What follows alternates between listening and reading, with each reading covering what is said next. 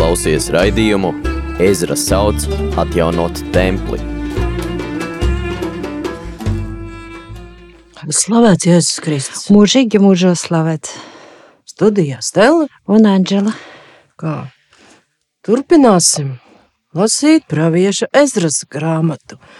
Iepriekšējā reizē nedaudz iepazinām to vēsturi, kādā laikā viņa varētu būt uzrakstīta, kādi bija vēsturiskie apstākļi, kuri ir šajā grāmatā aprakstīti, kad šie notikumi ir izcinājušies. Un šoreiz es pat neatceros, vai es pateicu, vai nē.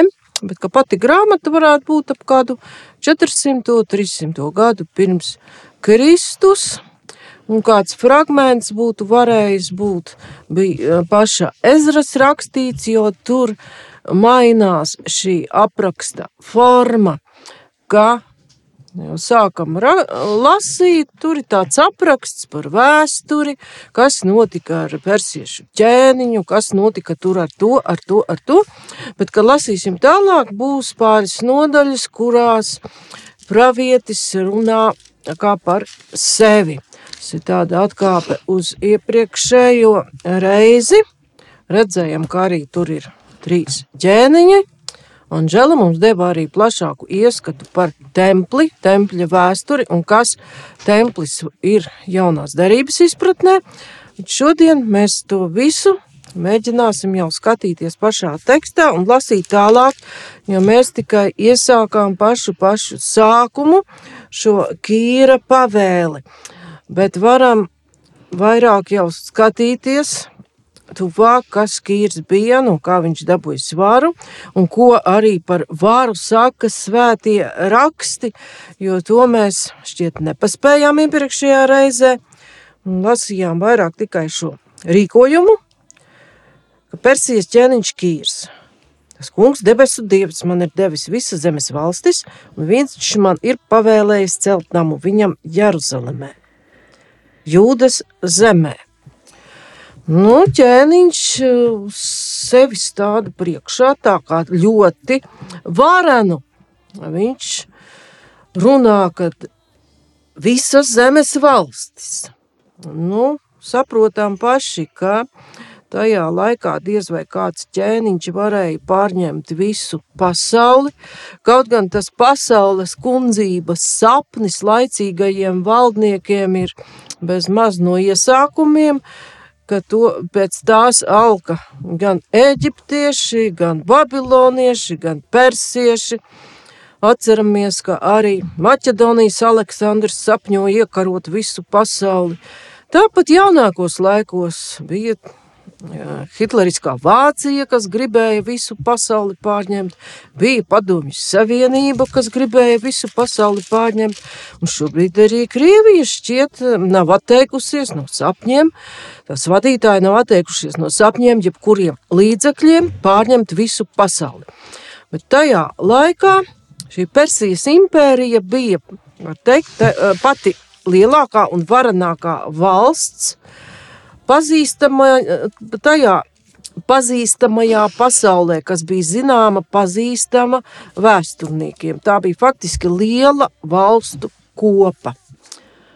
Bet ko, lai cik ir sev varants šķietas, viņš tomēr atzīst, tas kungs, debesu dievs man ir devis.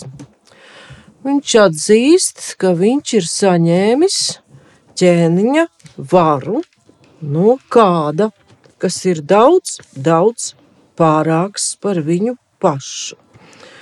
Un varam šeit to izlasīt, ka kādas valstis tad viņš ir saņēmis, tas tur ir ļoti skaidri pateikts.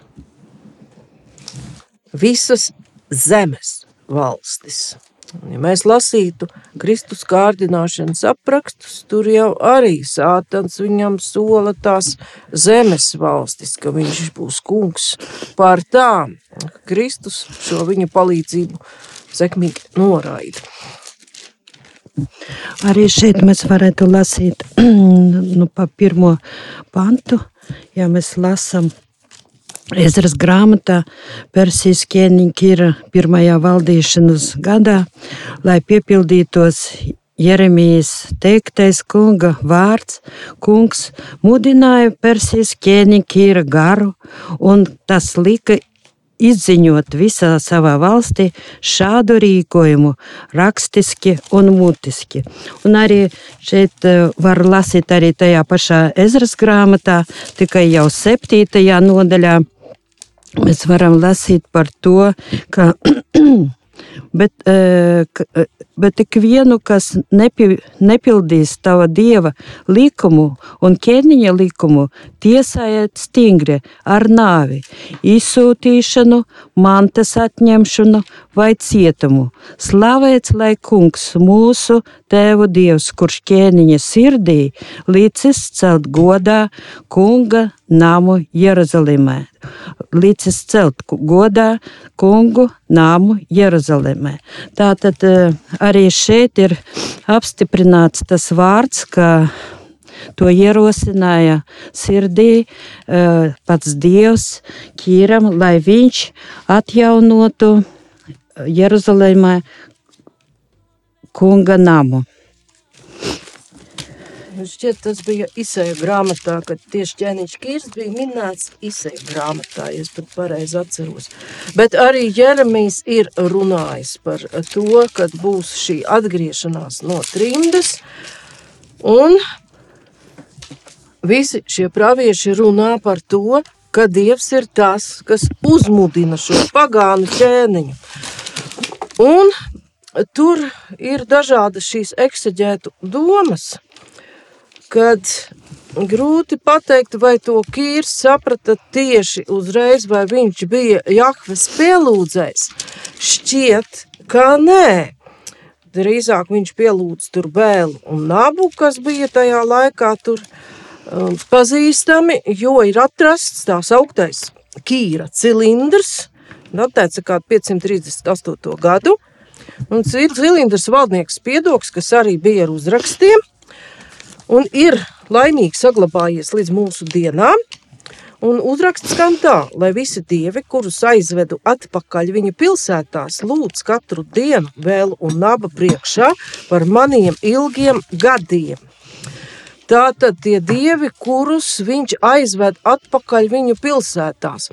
Tātad vēsturiski pēc Kīra cilindra iznāk, ka Kīrs aizved šo Jahvi, šo dievu atpakaļ viņa pilsētā Jeruzalemē un liek atjaunot šo Jahves pielūgsmes vietu, bet uh, uzdodot juvelieriem gravēt šo cilindru, Kīrs jau līdz galam pats sevi un savus dziļumus vēl nesaprot, kas viņa sirdī ir licis šo vēlmi dot šīm tautām iespēju nu, zināmā veidā pašnoteikties un arī kopt savu reliģiju.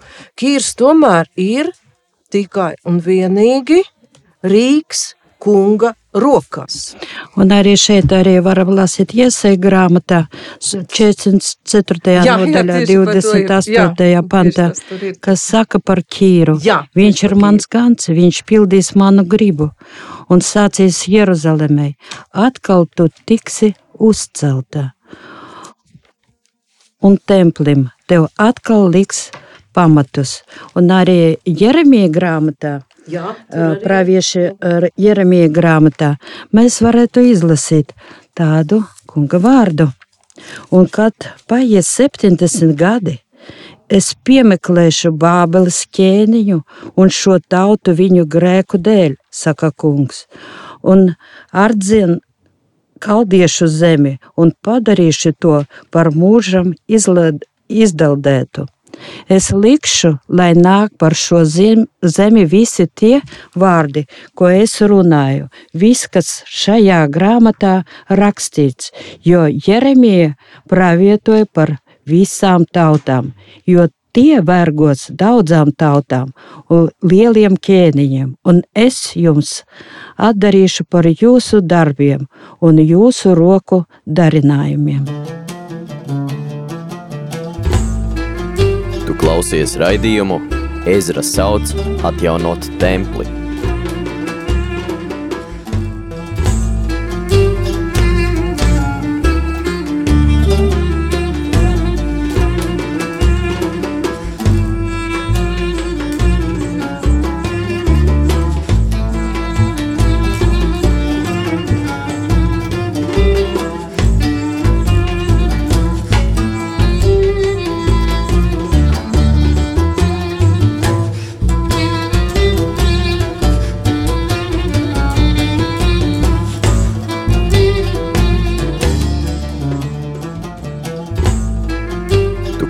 Klausies raidījumu Ezra sauc atjaunot templi.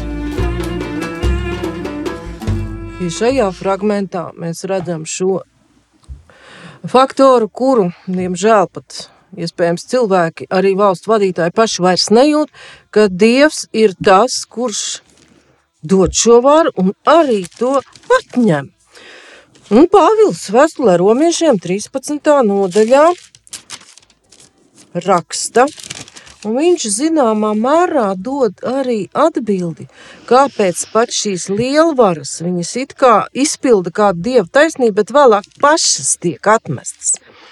Un ko tad apustulis Pāvils mums māca, kas arī nevienmēr ir patīkami lasīt? Ik viens lai paklausīgs varām, kas valda, jo nav valsts varas kā viena no dieva, un tās, kas ir, ir dieva ieceltas. Tātad tas, kas pretojas valsts varai, saceļas pret dievu iestādījumu, bet tie, kas saceļas pret to, paši sev sagādā sodu. Jo valdītāji nav bīstami labam darbam, bet ļaunam. Tu negribi bīties valsts varas, labi, dari to, kas labs, tad tu saņemsi viņas uzslavu, jo tā ir dieva kalpone tevis labā. Bet, ja tu dari ļaunu, tad bīsties. Nevelti tā nes zobenu, jo tā ir dieva kalpone. Atriebēja un soda nesēja tam, kas dara ļaunu. Tādēļ nepieciešami te klausīt nevienu soda dēļ, arī sirdsapziņas dēļ. Nu, sestais pants bieži varētu vienam otram riepties. Nu, tāpēc maksājiet arī savas nodevas. Viņi, kas uz to raugās, ir dieva kalpi. Dodiet katram, kas viņam pienākas. Nodevas, kam nākas nodevas, muitu, kam nākas muita, bijību, kam nākas bijība, cieņu, kam nākas cieņa. Un tātad šajā fragmentā ir ietverts arī tas, ka šī valdnieka vara ir no dieva. Un, ja mēs lasām Ezras grāmatu, tad redzam, ka Persijas impērijā arī visa šī dokumentācija, arī nodokļu ievākšana bija augstā līmenī, un arī no šīs valsts kases tika dots izredzētās tautas cilvēkiem, lai viņi var atgriezties mājās un Jeruzalemē celt templi. Arī e, Ezras grāmatā mēs varam lasīt sestajā nodaļā, tad, kad jau bija uzcelta kunga svētnīca, tad un svinēja paskas svētkus, viņas 22. pantā varam dzirdēt vārdu. Viņi svēt, uh, svinēja ar prieku neraudzētas maizes svētku septiņas dienas, jo kungs bija viņus iepriecinājis un noskaņojis lab, labvēlīgi pret viņiem Asirijas ķēniņu, lai stiprinātu viņu rokas Izraela dieva mana nama darbos. Paldies! Un pat uh, turēsim atvērtu ausi uz šo vārdu, ko nu pat Anžela norakstīja. No, nolasīja. Noskaņojis labēlīgi Asīrijas ķēni. Un tas ķēniņš bija nu, viens pamatīgs militārists. Un Asīrija bija viena no tādām agresīvākajām valstīm senajā pasaulē. Un, nu kā var saņemt šo varu, un kas to dod? To ļoti labi paskaidro arī pats Jēzus. Un kam varanās Romas impērijas prokuratoram Pilātam Jāņa evaņģēlī 19. nodaļā 11. pantā. Jo Pilārs, nu kā tāds zolīdas Romas valsts ierēdnis, saka viņam tā, kungs ir viņa priekšā, tad Pilārs viņam sacīja, Vai tu ar mani nerunā?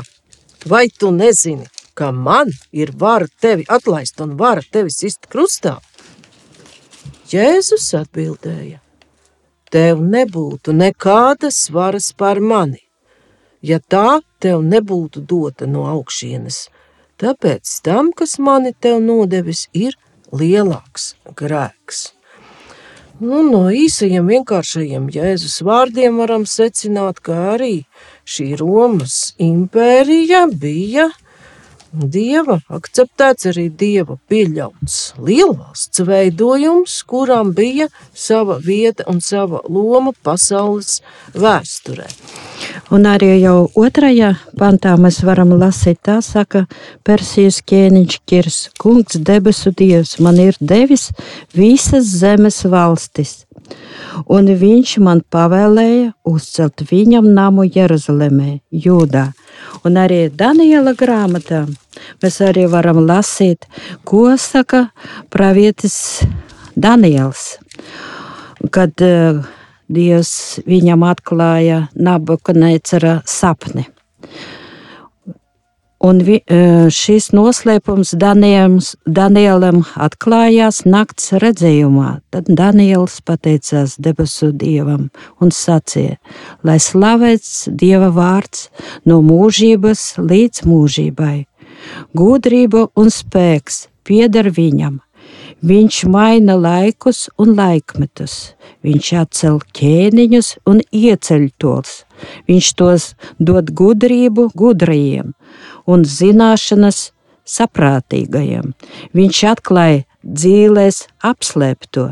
Viņš zina, kas ir tumsā, gaisma mājo pie viņa. Mans tevu dievs, Es cildinu un slavēju tevi. Tu devi man gudrību un spēku, ļāvi man uzzināt, ko tev lūdzu, un ļāvi man izzināt ķēniņa sapni. Paldies!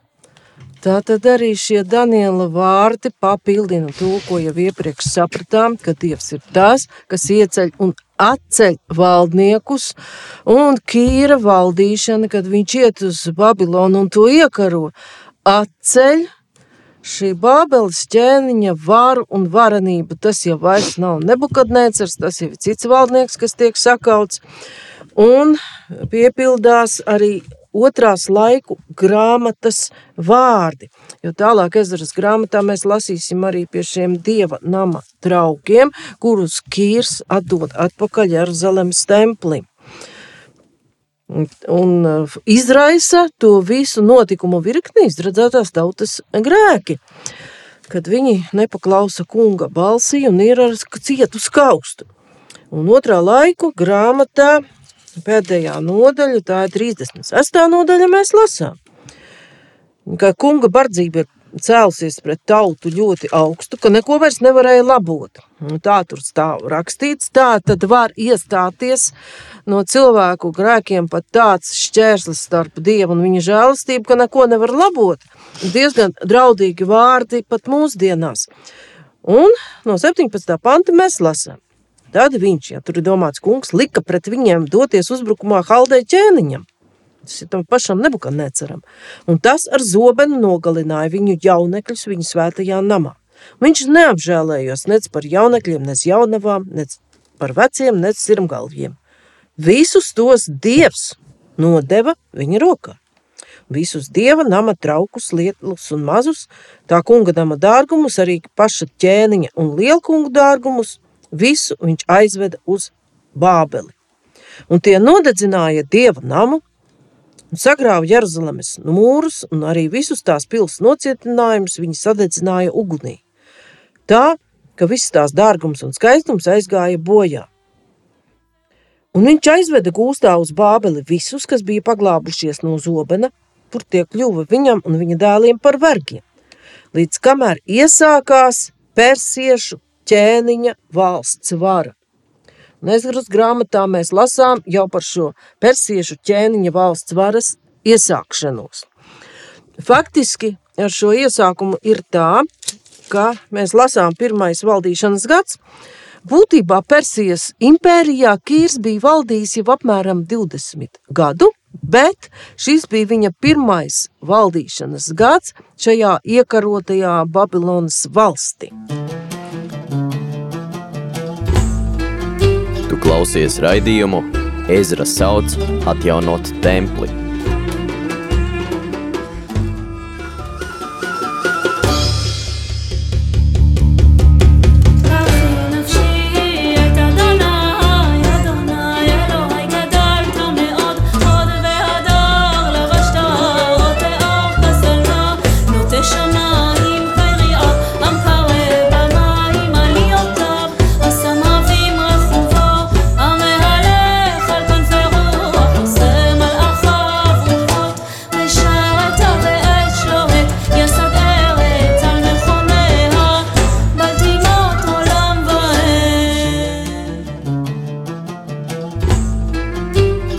Klausījies raidījumu Ezra sauc atjaunot templi.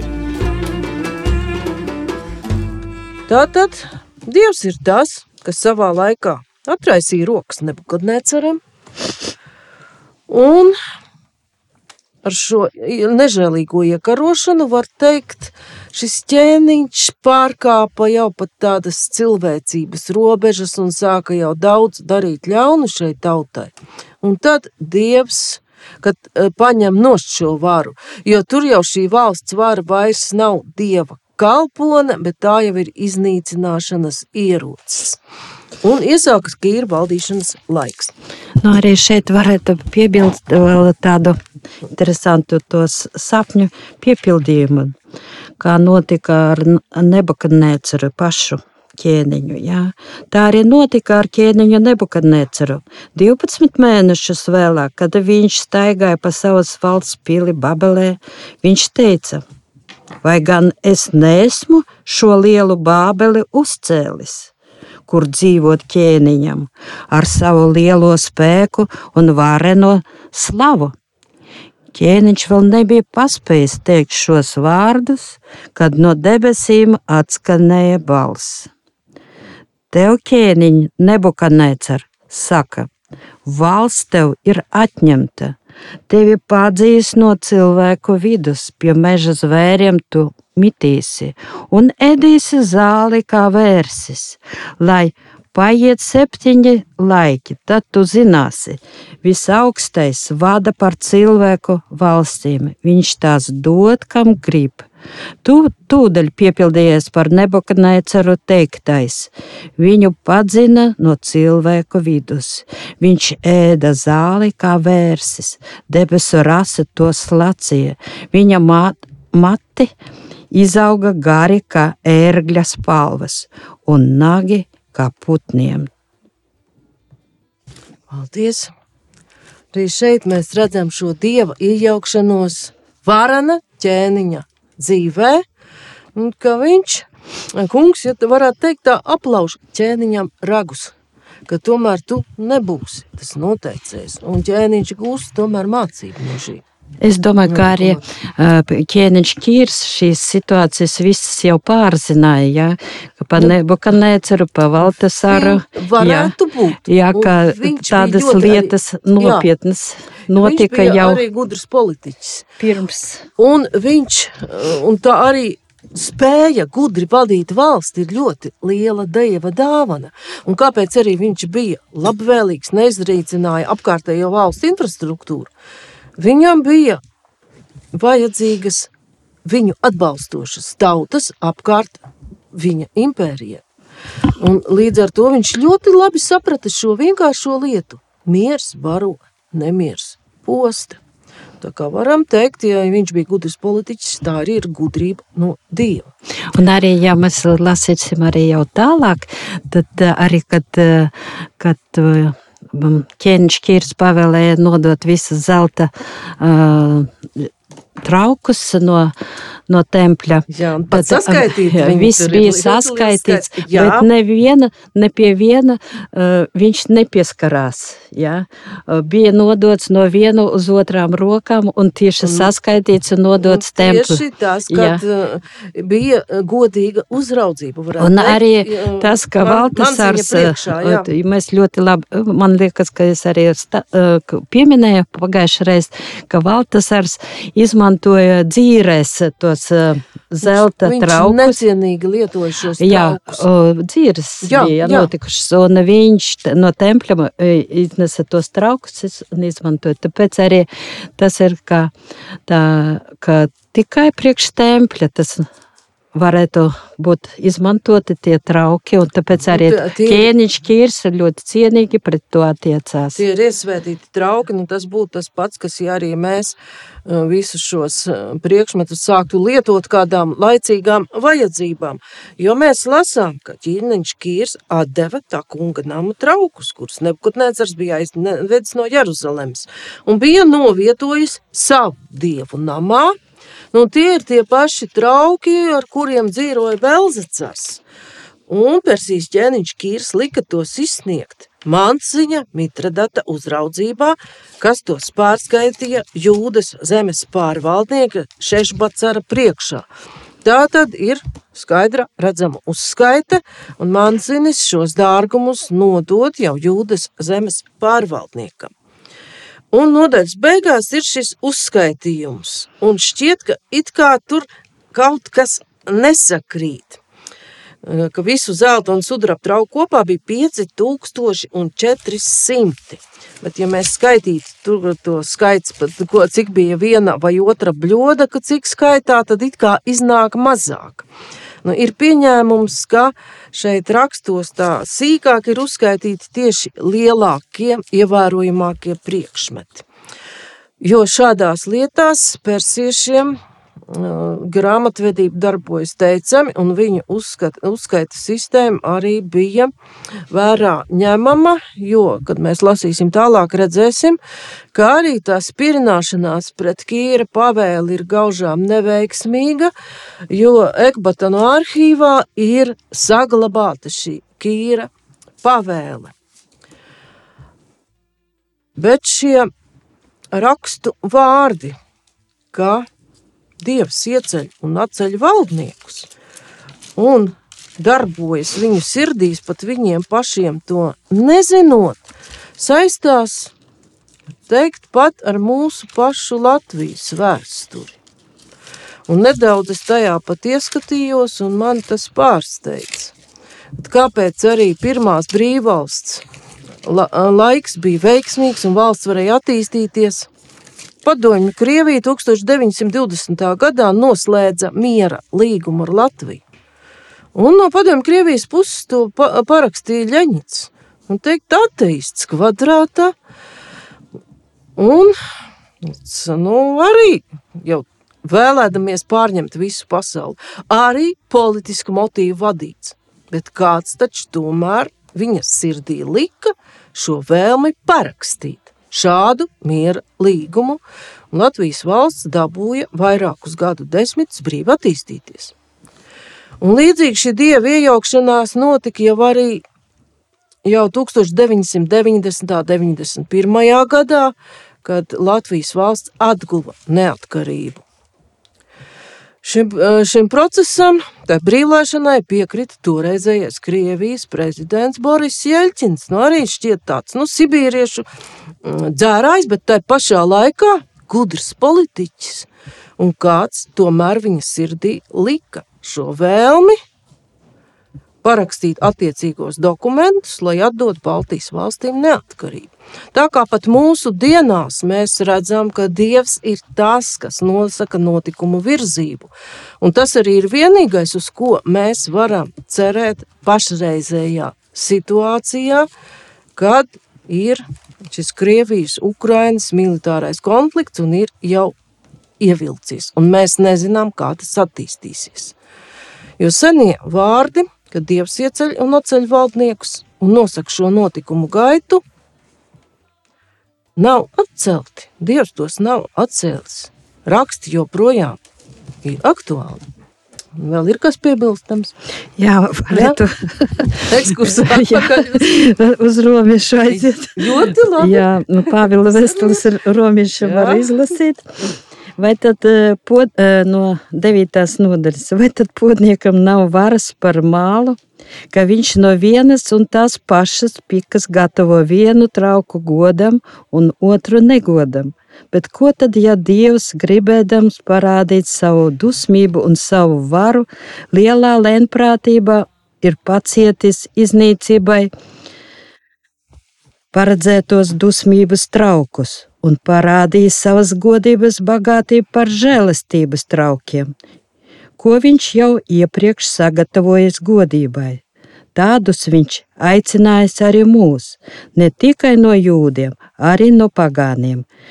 Kā Hozēs grāmatā viņš saka, es saukšu par savu tautu to, kas nav mana tauta, un savu neiemīlēto par iemīlētu, un kur tiem bija sacīts: Jūs neesat mana tauta, tur tie tiks saukti dzīvā dieva dēli.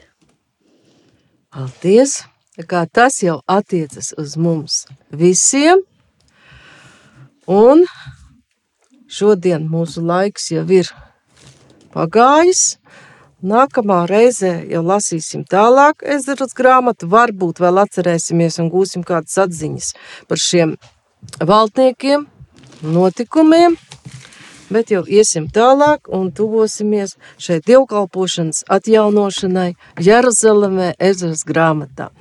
Bet šodien paldies par uzmanību. Studijā bija Stela un Anģela. Izskanēja raidījums Ezra sauc atjaunot templi.